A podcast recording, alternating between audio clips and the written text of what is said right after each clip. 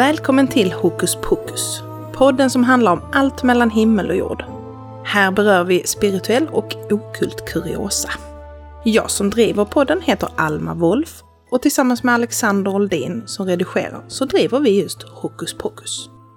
Vill man veta mer så finns vi på www.frustorm.se eller så kan man hitta mig på Instagram och där heter jag frustorm understreck. Idag har vi med oss Tynde från Ljusets kraft och vi ska prata om kristaller och stenar. Välkommen! Tack så mycket. Eh, tack så mycket Alma och det är jättetrevligt att vara med i din podd, bli tillfrågad och prata om ett, ett av många intressanta ämnen. Vad kul! Kul att du tycker det! Mm. kul att ha med dig. Du pysslar ju med stenar och kristaller. Men vad är stenar och kristaller? Jag tänker på alla olika kategorier där är till dem. Till vardags så säger vi nog ofta, eh, alltså, kanske lite slarvigt, men, men eh, vi pratar om stenar och kristaller lite som synonymer till varandra. Och vi blandar friskt. Ibland säger vi kristall om någon eh, sten och ibland säger vi sten om någon kristall. Och egentligen tror jag inte att, eh, att det är så allvarligt till dagligdags så att säga. Eh, men skulle man gå in i detalj och titta upp lite grann vetenskapen bakom eller geologin bakom så finns det ju skillnader och då brukar man prata om mineraler eh, som då är ett fast oorganiskt ämne och det bildas naturligt i jorden. Eh, så det är ju inte något som är människotillverkat. Eh, utan att det, det växer, det bildas. Liksom. Sen när det gäller sten så brukar man säga att det är en mineral eller det är en skapelse som består av två eller fler mineraler. Det har ingen fast struktur utan det, det kan liksom se ut lite hur som helst. Går vi sen in på kristaller så säger sig, alltså man, man kan plocka mycket från namnet kristall. Ja, men det är ju någonting som, det är mineral, men att det har en kristallin struktur. Det innebär att det, det har alltså en form som upprepar sig. Mm. Och det här upprepar sig tredimensionellt. Um, ta salt eller eh, socker, iskristaller. Eh, alla har samma kristallina mönster, så att säga, eller struktur. Just när det gäller kristaller brukar man säga att de kan vara både syntetiska eh, eller framställda i laboratorium, men som sagt också att det skapas i naturen. Och då tänker man ibland att ja, men när de är syntetiska eller man-made, att de inte är lika värdefulla. Men, men så behöver man inte tänka. Och jag tänker vi kommer in lite, lite mer på det längre fram kanske. Mm. Eh, med värdet och så. Ehm, sen finns det också ehm, naturligtvis korsningar på kors och tvärs ehm, av det som bildas i naturen. För det är ju inte så att om, om vi får tag i en bit eh, bergkristall till exempel, att eh, det bara är bergkristall. Det kan vara att det finns något annat ämne i närheten som, som växer in i det här och det innebär ju också att då beroende på hur mycket och vad som växer ihop så sätter vi olika namn. Hur som helst så skulle man väl enkelt kunna säga att alltihopa är små skatter från Moder Jord. Ja, det är det verkligen. Mm. Spännande. Ja, redan här tycker jag jag är helt begeistrad.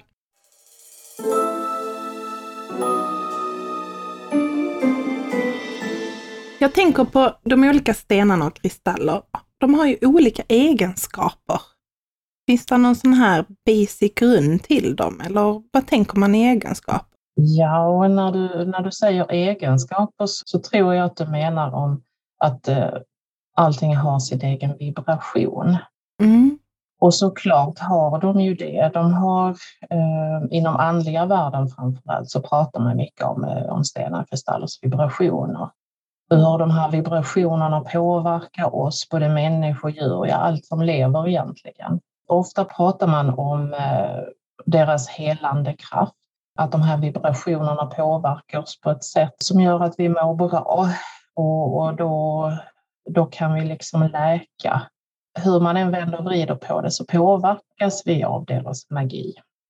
Och där finns ju de eh, stenar som när vi får dem i handen så känns det som att oj, nej, det här eh, antingen sticker det eller så är det för varmt eller för kallt eller någonting annat. Så att nej, då, då är det någonting man inte vill, vill hålla kvar i handen, och vill man släppa det. Så att vi blir påverkade. Ja, för då är det kanske fel vibration i resonans med ens egna vibration. Precis. Tänker jag. Mm. Och det är det som gör det så spännande med kristaller och stenar, att många kan ju känna sig skeptiska för i deras ögon är det bara en sten. Eh, men det är precis som du säger, allting har ju en vibration. Det är ju vetenskapligt bevisat ju. Så det är det här det blir spännande. Och för många som säger, om man ska ta den stenen man dras till, så kan det låta också lite flummigt i andras öron. Men faktum är att det är så vi funkar, att vi har en vibration och sen så när vi hittar en sten vi dras till så gör vi det av en anledning. Förmodligen så är det en samklang där i vibrationerna. Precis. Jättespännande. Eller, eller som jag brukar säga, att då, då är det någonting man behöver. Mm. Den, den utstrålningen, den vibrationen en speciell sten har, då är det någonting som ditt undermedvetna talar om för dig, att det här är någonting du behöver. Så att man behöver inte krångla till det. Nej, precis. Eh, det tror jag också. Och det är ändå spännande, man benar ner det. Det hör ju mm. ihop liksom. Mm. Jättespännande. Jag tänker också i vilka användningsområden kan man ha dem till? För många pratar ju om att vissa stenar hänger ihop med månfaser och olika natursituationer, men också det finns ju stenar mot depression, det finns stenar mot sömnsvårigheter. Alltså, ja, det är ju oändligt. Precis, och eh, där var du lite grann inne på det redan, det här att, eh, att man ska känna sig bör. Alltså, där är, det händer ofta när jag står till exempel på en mässa eller så. Eh, någon kommer hem till mig i min butik och tittar. Eh, jaha, jag har problem med detta och detta. Eh, vilken sten rekommenderar du? Och, då kommer jag med den här lite tråkiga meningen att ja, men ställ dig och känn efter. Vilken dras du till? För där finns ju någonting där som alltså, vi kan alltid lita på vår intuition att, att det är rätt sten för en. Sen, sen kan man ju läsa helvis med, med tolkningar och, om olika stenars egenskaper och magiska förmågor. Men det bästa tycker jag ändå är att vi litar på vår egen intuition, för då blir det inte fel. Men just vad vi kan använda de här stenarna till. Healing pratar vi ju lite grann om innan, eh, men det finns ju väldigt många andra användningsområden naturligtvis. Smycken är kanske en sådan som inte är alldeles tydlig, men det är nog det mest eh, vanliga användningsområdet. Vi har det i olika smycken. Många har också sina stenar och kristaller uppställda fint i sitt hem. Kanske på en altare med andra fina saker som, som är viktiga för en. Man kan göra kristallvatten, man kan göra kristallnät för olika ändamål, pendlar Eh, består ju ofta av, av olika stenar. Det kan också vara vanligt att man, eh, man plockar till sig, man har kanske ett fat med sina eh, vackra stenar som man har samlat på sig genom åren och att man på morgonen ställer sig och, och plockar till sig dagens stenar så att säga. Ehm, och där tänker jag, där behöver man inte veta vad en sten heter eller vad den har för egenskaper, utan lyssna på din intuition. Plocka till dig dem du, och så många som du känner är rätt och tar du med dig. Bär med dig stenarna under dagen och få hjälp av deras magi under, under eh, hela dagen så att säga. En liten fin eh, ritual egentligen att börja dagen med när man tänker efter. Mm. Det är lite verktyg. Mm. Precis, och det är så enkelt också. Man behöver som sagt inte kunna så mycket och man behöver inte lära sig eh, detaljer. Eh, och det, det är kanske det som, som gör att eh, det blir lättare att, eh, att göra det till en eh, rutin. Ja, men där sa du något viktigt. Jag tror att många som går in i den här kristallvärlden blir lite överrumplade över alla sorter, alla egenskaper, alltså rekommendationer vad folk tycker man ska ha dem till. Och då kan det bli lite mycket. För man ska komma ihåg allting också då och då blir det ju, ja det är ju som sagt, det ska vara roligt.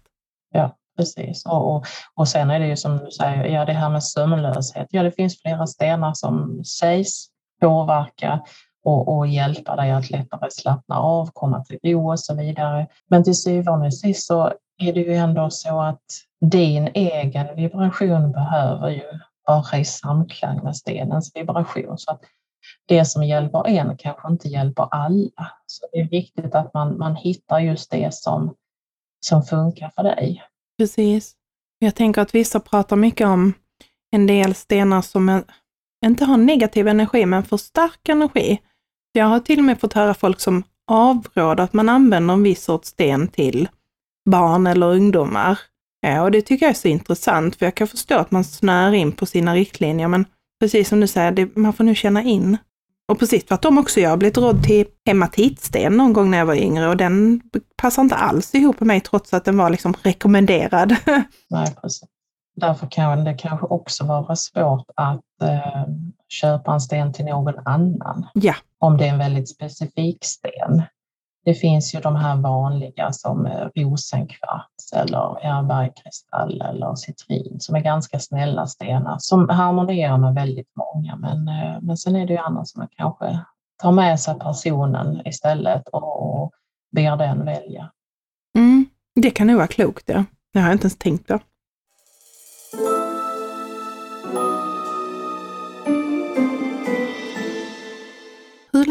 Du hållit på med kristaller och stenar? Oj. du känns så lugn i hela ämnet och liksom, jag vet inte, medveten. Uh, hur länge jag har hållit på med stenar och kristaller, du, eh, det, det minns jag nog knappt. Jag tänker så här att, ja det är i alla fall väldigt länge. Och det, det finns så många som är fina, man dras till en viss färg eller en form eh, som man tycker är väldigt vacker och så, så skaffar man sig det. Man kanske hittar en, eh, ja, jag tänker det finns ju många djurformer som, jag är ju tokig elefanter. Då kanske jag hittar en, en en elefantformad eh, sten. Eh, och så tycker jag att den här passar fint hemma hos mig. Den vill jag gärna ha för jag känner riktigt kärleken flödar. Och sen så eh, hittar man nästa sten och man hittar nästa. Så det, det, liksom, det bara växer på mm. och man är inte är medveten om var det började och när det började. Men, eh, men jag skulle nog vilja säga att när man väl har börjat samla på de här vackra stenarna så alltså det byggs på ganska fort. Yep. Omedvetet så har man en hel samling. Och var man än är så, så ställer sig ögonen automatiskt in sig på att hitta någon ny som kanske vill följa med en hem. Det är rätt beroendeframkallande, ska jag vara helt ärlig med. Precis, ja men det, det är det verkligen. det är dyrt i plånkan. Jag tänker, har du någon favoritsten som ofta följer med dig då? Oj, eh, ja men det kan nog variera. Jag tror att det går i perioder. Ett tag var jag helt tokig unakit till exempel. För jag tycker när man vänder och vrider på en unakit, jag brukar tycka man ser jorden där i, alltså jordklotet. Jag gillar när, när det finns eh, olika eh, mönster i den här stenen. Jag, jag är svag för när man kan se saker i, när man vänder och vrider. Och ju mer man vänder och vrider så hittar man nya eh, tecken, man ser nya bilder och de talar till en. Mm. Nakita är en sån som, eh, som jag varit eh, eh, ganska glad för en period. Men sen det där ändras. Sen kan det finnas Ja, labradorit är en annan sådan favorit, apatit. Men många av de här är just för att för mig så handlar det om att, att jag ser någonting i stenen. Mm. Har lite svårt, eller svårare för de som är helt släta där du inte ser någonting alls. Men, men det där är helt och hållet en, en eh, smakfråga. Ja, det är väl klart och hur vi läser in dem och en del känner ju bara på dem. Och en del fastnar ju som du säger för formen eller vad man ser i dem. Ja. Nu när vi ändå är inne på det här med form och se i dem, något som var ett ganska nytt koncept för mig var regnbågar, säger de, i, eh, i stenarna. Så först tänkte jag, en regnbåge i stenen? Jag föreställde mig en sån här, just en båge. Men jag förstod ganska snabbt att kikar man tillräckligt länge på en sten så kan man faktiskt urskilja just ett regnbågsskimmer i vissa delar djupt i stenen. Ja, det, det är olika för olika stenar naturligtvis med det här regnbågsskimret. Men det är klart, det händer någonting. Jag tror att det nog har att göra med människans eh, dragning till eh, lite bling ja. kan man säga. Vi skator allihopa. mm. Mm, lite så. Mm. Har du själv någon favoritsten? Ja, jag minns faktiskt min första sten. Jag var runt sju eller åtta och var på besök hos ja, några föräldrars vänner. Eh, och den här eh, frun i huset, hon var jättespeciell, en riktig liten trollpacka. Och hon eh, smög fram när vi satt och fika så sa hon följ med här. Fick jag följa med in i köket och då hade den här klassiska eh, lilla hyllan med massa små fack i. Och där plockade hon fram en ametist. Och den skulle jag ha. Jag fick inte veta så mycket mer om den, men jag drogs också omedelbums till den. Sen vet jag inte om det var som hon ville vara snäll eller hon faktiskt hade en riktigt så magisk baktanke. Men den har hängt med mig i urminnes tider. Mm. så den får hänga med i bhn ibland. Ja, såklart. Då ska man bara vara noga när man tar av sig den på kvällen. Jo tack. Yes. Man ska inte stå på klinkergolv kan jag tipsa om. När man är trött och kommer hem och ska byta om. Åh, det är så hemskt när det händer för då går de sönder. Ja, såklart. Och jag kan ju i så fall också tipsa om att det finns ju sådana här påsar man kan ha hängande som halsen. Mm. Man kan ha sina stenar i. Vad fiffigt. Jag har bara sett de här spiralerna, men de är inte helt lätta att få på ibland. Nej, och jag tänker om man eh, till exempel har nickelallergi så kanske man har lite svårt med spiralerna. Precis. Nu när jag tänker efter också, jag tror stenarna påverkas också av produkterna vi kanske har på kroppen, men också ja, men det vi utsöndrar med. Det kanske är lite skadligt för dem. Kan det beroende på vilken sten det är såklart. Mm. Mm. Så jag brukar ibland ha en, en liten eh, virkad påse om halsen där jag kan ha mina stenar. Lite annat hemligt i. Ja, lite mystiskt då ju, vad kul. Ja, ja. Du nämnde det här med när du var liten och din första sten. Om jag tänker tillbaka på eh, min eh, relation till stenar som liten eh, så tänker jag att det förmodligen var en helt vanlig gråsten eh, som man kan hitta ute var som helst i naturen. För barn fascineras ju ofta av det som ser lite annorlunda ut, det som är lite speciellt. Utav alla gråstenar så kanske det finns någon som blänker lite extra eller som har en annan form eller kanske en, en helt annan färg än de övriga. Man dras till det man plockar upp och, och det känns varmt och gott liksom i handen och så får de följa med hem. Och mamma då som tycker att herregud, vad ska du med den till? Mm. Men ja, och där sa du också att det kanske också ligger djupt programmerat i oss sedan länge, länge tillbaka. För det tror jag de flesta kan komma ihåg att man har gått och plockat stenar och fyllt fickorna och drivit föräldrarna till vansinne.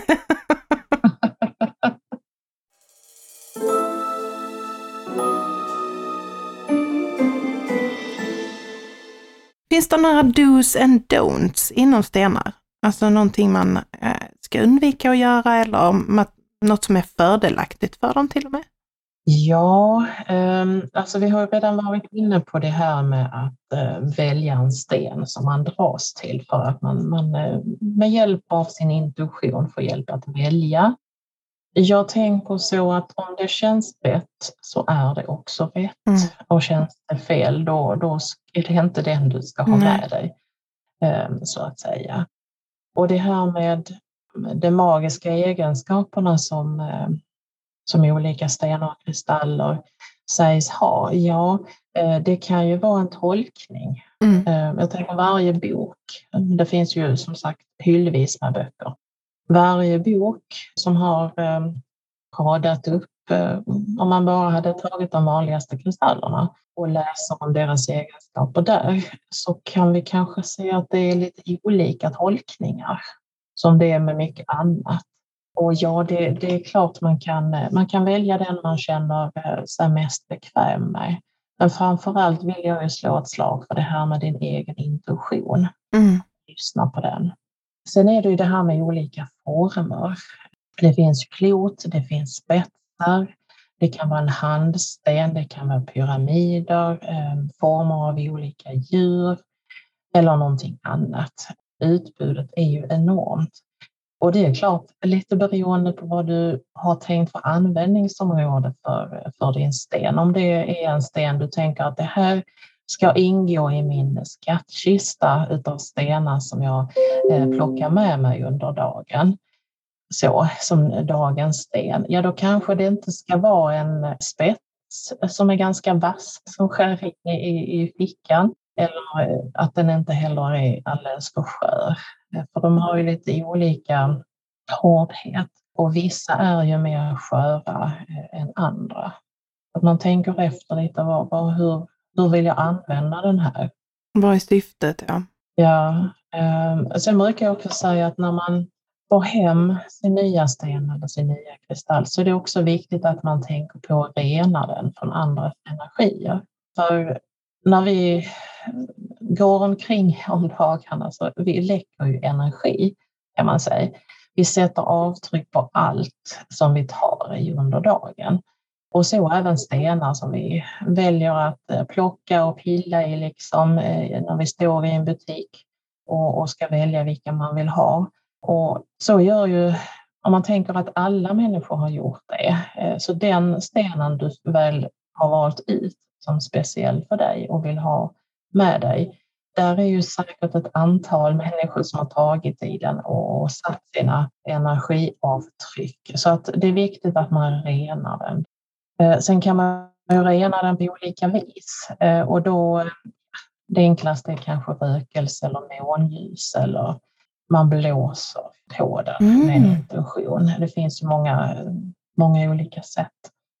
Just när det gäller rena, det finns um, beroende på vem man frågar så finns det ju många olika eh, sätt. Till exempel, många säger att man kan skölja det i vatten. Ja, det kanske man kan med många, men, men inte med alla, för det är ju faktiskt de som löser upp sig i handen på dig.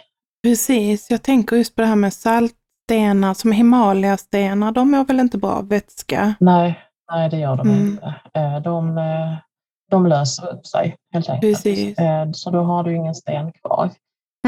Eh, och det är väl lite samma sak där med selenit till exempel. Eh, Just Den här det. väldigt populära stenen som de ser lite, lite änglalik ut. Man får lite den känslan när man håller i en sådan.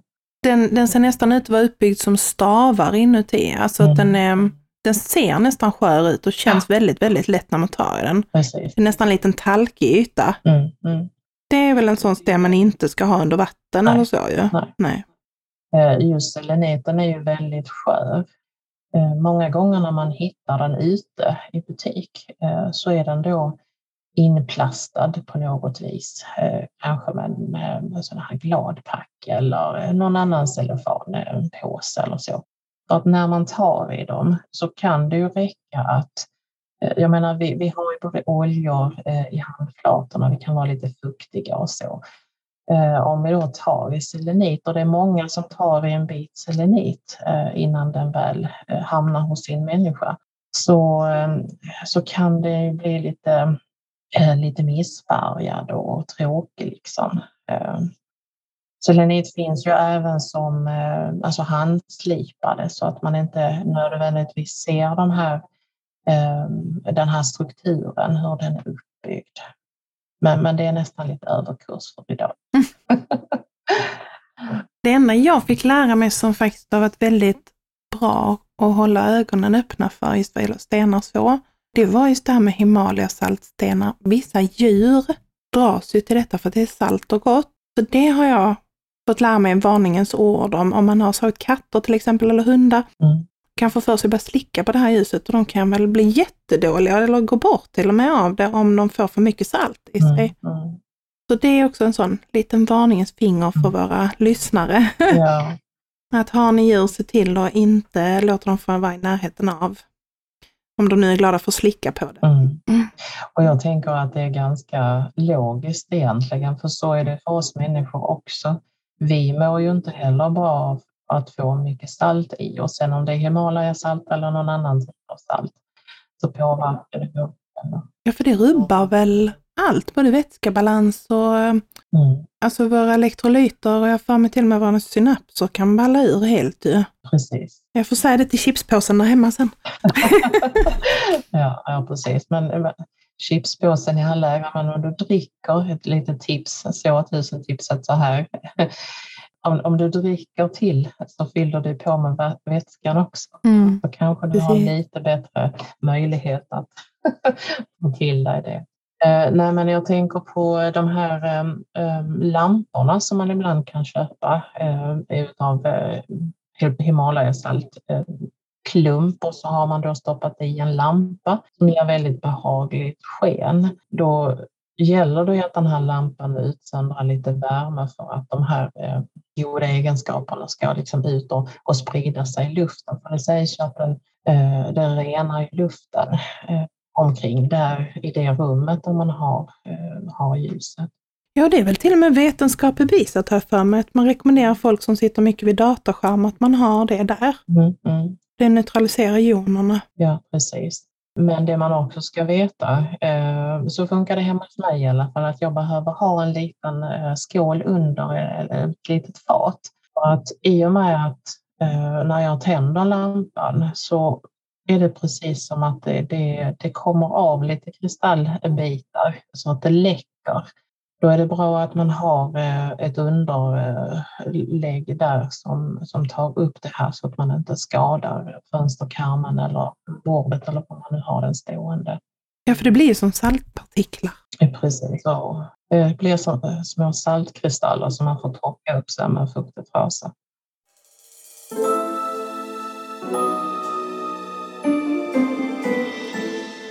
Jag tänkte också just det här med Himalaya-saltstenar. Mm. Då snubblar jag genast in på det här med etiskt inom kristallköp och stenköp. Eh, finns det några etiska aspekter du tycker man borde ha i åtanke? För en anledning till att jag kommer in på det är just för att nu handlar det mer om fair trade och sådana här grejer och det är så mycket att hålla rätt på som konsument där ute idag. Men just det här, var kommer stenen ifrån? Är det någon stackare som har fått jobba för skitlön för att skapa den här? Och också, är den äkta? För att jag har snubblat på stunder då jag har köpt vad jag har trott varit en sten, men då har den bara varit gjuten i resin. Mm. Det finns ju de här också att man, man kan elda på en eh, ametist, för en ametist ska aldrig börja bubbla till exempel, den ska klara av eld. Mm. Och är den falsk så bubblar det för att det är egentligen plast. Precis. Mm. Ja, men så är det. Det. Var köper du dina stenar till exempel? Eh, Jag köper från olika återförsäljare och det, det är klart jag kan ju bara lyssna på vad de säger till mig, eh, var de får tag i sina. Eh, För jag, jag kan säga själv är jag inte den som åker till Brasilien och plockar och, och liksom bryter de här kristallerna på egen hand och, och därför så kan jag aldrig riktigt garantera eh, hur kedjan har, har liksom, gått. Men, och, och det är klart, ju, ju mer sällsynt en sten är, desto högre pris är det. Och när, när man blandar in pengar eh, så finns ju alltid risken för att, eh, ja, att, att någon vill göra sig en, en eh, ja, precis som du sa innan det här att man utnyttjar någon stackare som inte får betalt den borde. Det är jättesvårt och, och där får man kanske ha eh, sin egen inre kompass. Är det någonting som är alldeles för billigt, ja då kanske det inte var riktigt rätt. Ja, men precis. Det var också en sån, hmm, vänta, Mm. varför ligger den på det här priset? Ja. Ja, ja, precis. Men om man är helt grön på sten och kristaller, har du något tips på var man vänder sig för att köpa?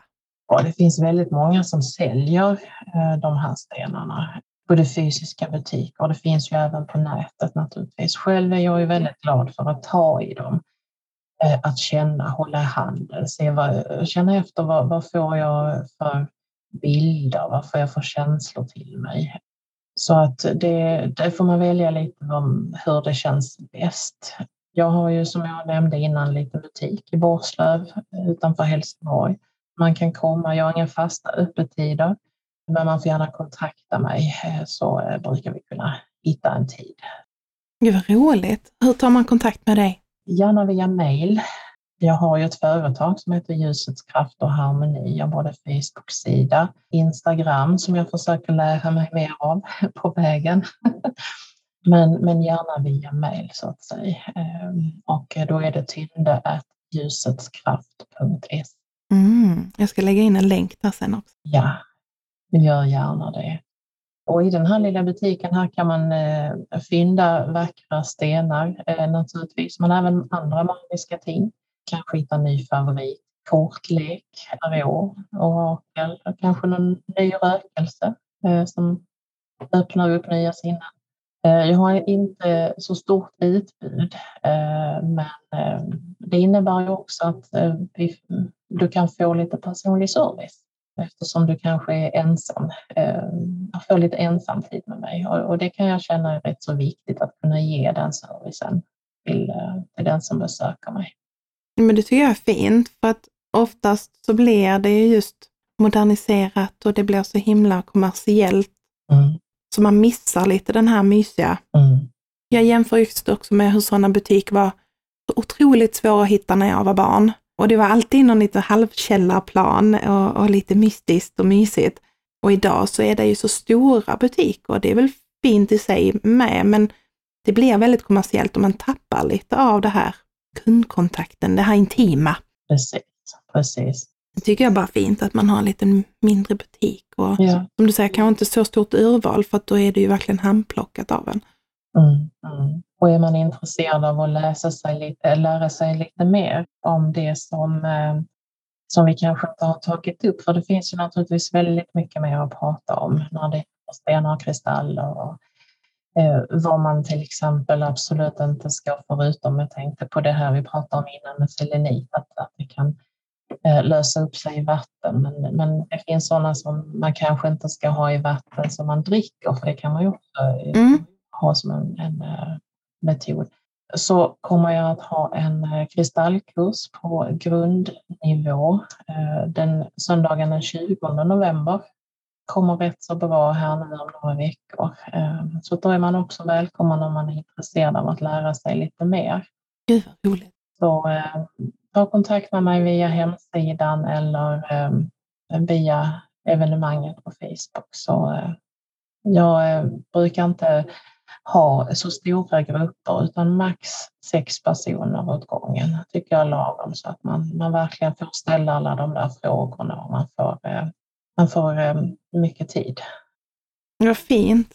Det är superviktigt också, just som du säger, man hinner tänka ut sina frågor. För man kommer ju säkert på massor på vägen också. Det ligger i lite modet nu att göra kristallvatten.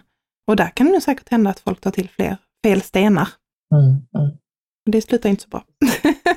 Precis, vissa stenar utsöndrar ju ämnen som vi i vattnet som vi inte mår så bra utav. Eh, och det, kan, det kan vara lite, lite svårt att veta vilket, men eh, det, det, det är ett fåtal som man bör ha lite extra koll på kan jag säga. Mm. Men då går man på Tyndeskurs. Det kan man göra. Välkomna så, absolut.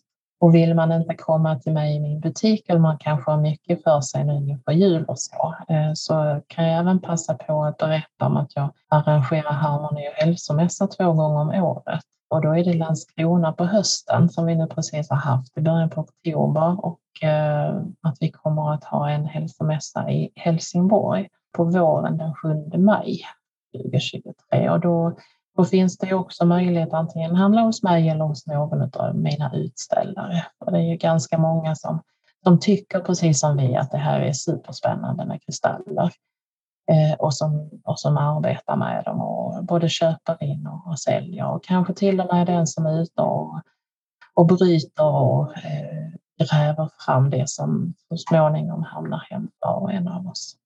Knyta lite nya kontakt och göra lite fynd. Mm, precis. Det ser jag verkligen fram emot. Det var så kul när jag snubblade över det, för vi pratade om det innan, att jag hade skrivit upp mig och anmält mig. Så att då ses vi i alla fall då till våren också. Det gör vi absolut. Det ska bli jättespännande att, att träffas där också. Och det verkar ju bli större och större för varje år också. Så att... Precis.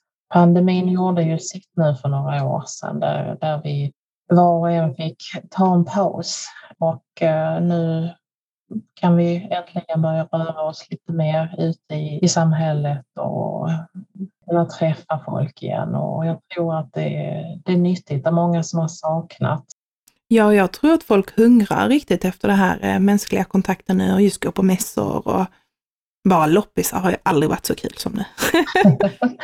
Nej, precis. Men jättekul detta, det var superspännande och jag ska som sagt lägga in en länk. Det är jättekul att ha med dig. Tack så jättemycket för att du svarar på alla mina frågor. Tusen tack för att, eh, att du bjöd in mig, Anna. Det här har varit jätteintressant för mig också. Väldigt nervös naturligtvis.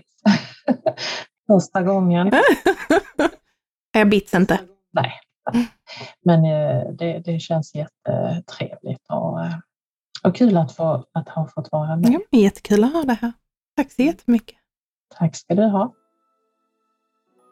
Du har lyssnat på Hokus Pokus. Vill man veta mer så finns vi på www.frustorm.se eller på Instagram på frustorm understreck. Vi syns och hörs.